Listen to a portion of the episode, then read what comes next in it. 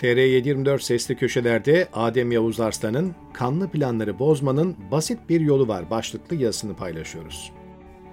Gerek yazılarımda, gerekse de yayınlarımda ısrarla altını çizdiğim bir konu seçim güvenliği. Türkiye tarihi bir seçime gidiyor ve 14 Mayıs'ta sadece Cumhurbaşkanı ve milletvekillerini seçmeyeceğiz. Aynı zamanda Türkiye'nin geleceğini, daha doğrusu nasıl bir Türkiye olacağımızı oylayacağız. Eğer mevcut Cumhurbaşkanı Tayyip Erdoğan ve müttefikleri seçimi kazanırsa, Cumhuriyet'in 100. yılında büyük bir eksen değişimi yaşanacak. Daha doğrusu son aşamasına getirilen rejim değişiminin finali yapılacak. Adil ve eşit şartlarda yarışılmasa da muhalefet her türlü zorluğu aşıp ipi göğüslerse her şey güllük gülistanlık olmayacak ama en azından köprüden önceki son çıkış kaçırılmamış olacak.'' Bu başlıkta sayfalar dolusu yazı, saatlerce sürecek yayın yapmak mümkün. Ancak ben dikkatinizi spesifik bir noktaya çekmek istiyorum. Silahlanan ve örgütlenen AKP fanatikleri. Haklarında özel istihbari bilgiye sahip olmanız gerekmiyor. Çünkü kendileri sosyal medyadan pervasızca tehdit içerikli videolar paylaşıyor. Hafızalarınızı tazelemek için 3 küçük örnek paylaşayım. Mesela son günlerde sosyal medyada popüler olan Yusuf Ziya K adlı kişinin tehdit videosu. Seçimi Kılıçdaroğlu kazanırsa ülkeyi cehenneme çevireceğiz diyen bu şahsın konuşmasına bakılırsa sadece görüntüsü değil kafa yapısı da IŞİD'e çok yakın. Batılı tasvir etmemek için tehditlerini özetlemeyeceğim bile. Ancak şunu unutmayın. Bu adamlar tek değil ve başlarına bir şey gelmeyeceğini bildikleri için video çekip rahatlıkla kan dökmekten bahsedebiliyorlar. İkinci örneğe bakalım. Bir dönem AKP Gençlik Kolları Başkanlığı da yapmış, şimdilerde her AKP'li gibi savunma sanayinde hortumculuk yapan İsmail Kara Osmanoğlu'nun tweet'i mesela. Düşünün, iktidar partisinin gençlik yapılanmasının başında olan isim, eskiden sadece bir çakısı olduğunu ama şimdi bir mangayı donatacak kadar silahının bulunduğunu ve kendisi gibi yüz binlerin olduğunu söylüyor. Bir manganın 9 ila 11 kişiden oluştuğunu düşünürseniz arkadaşın 10 civarında silahı olmalı.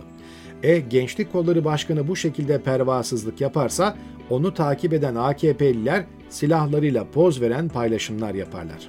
Nitekim sosyal medya bu tip paylaşımlarla dolu. Üçüncü örnekse Sevda Noyan.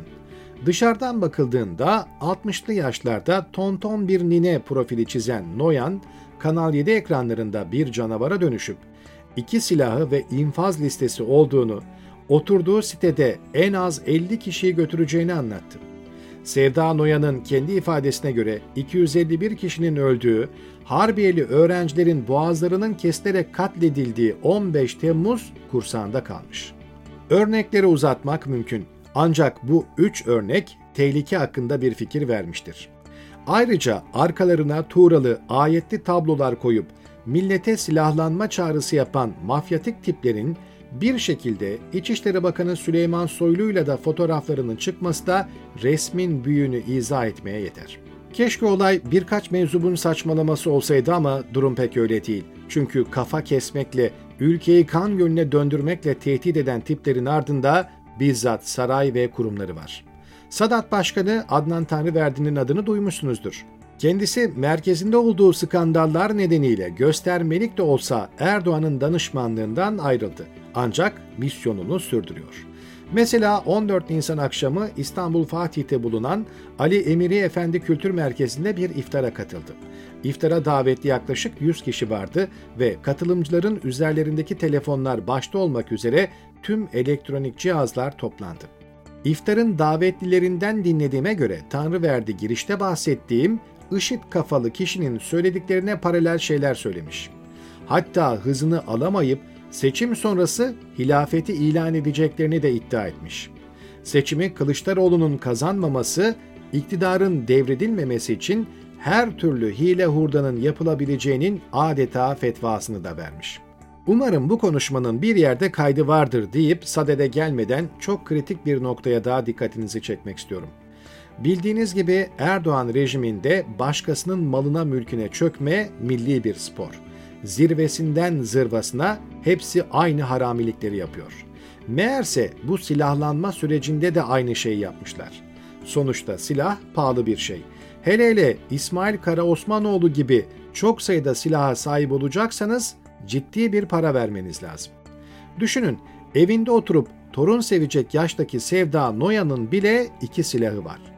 Orada da şu tezgahı kurmuşlar. Malum olduğu üzere 17-25 Aralık büyük yolsuzluk ve rüşvet operasyonu sonrası Erdoğan anayasaya darbe yaptı. Emniyette rejime biat etmeyen kim varsa önce sürüldü sonra ihraç edildi. 15 Temmuz çakma darbesiyle de on binlerce polis, asker ve binlerce yargı bürokratı ihraç edildi, binlercesi tutuklandı. İşte ihraç edilip tutuklanan bu bürokratların görevleri gereği kullandıkları silahlarına el konmuştu. Bu arada bu silahların parası da kullanıcısının maaşından kesilmiş. Yani o silahlar aslında polis ya da askerlerin şahsi malları. Diyebilirsiniz ki ortada hukuki bir süreç var ve silahlara el konması normal. Ancak saha gerçekleri hiç öyle olmadı. El konulan ve adli emanette tutulması gereken bu silahlar el altından Osmanlı ocakları gibi iktidar uzantılı paramiliter yapılara dağıtıldı. 15 Temmuz akşamı kontrolsüz şekilde dağıtılan silahlardan bahsetmiyorum bile. Burada organize bir şekilde iktidar yandaşlarının silahlandırılması var. El konulan silahların birçoğunun tutanağı bile yok. İşte o silahlar kayıt dışına çıkartılıp AKP'lere dağıtıldı. Hem de bedava. Yani el altından aldıkları silahların parasını bile ödemediler. Bu şekilde birden fazla silah alan şahsen tanıdığım kişiler var.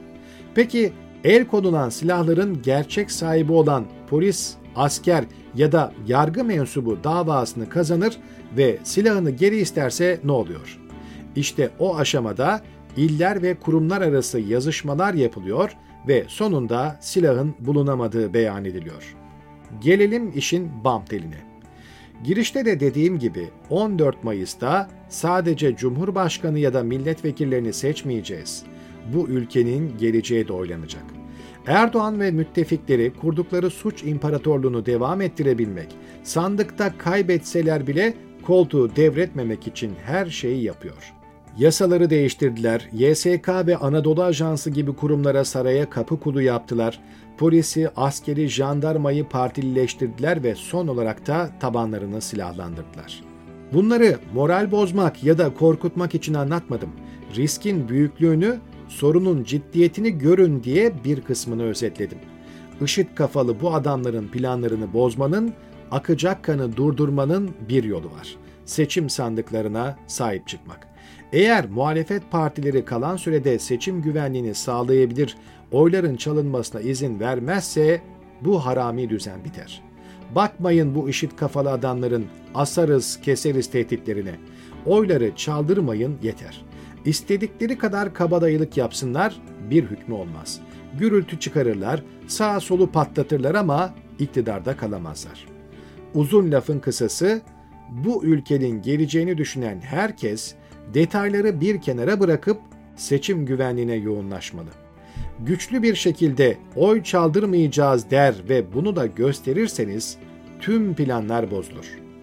Bugün video çekip tehdit edenlerse kendilerine dağıtılan silahları yol kenarlarına, ormanlık alanlara atabilmek için yarışırlar.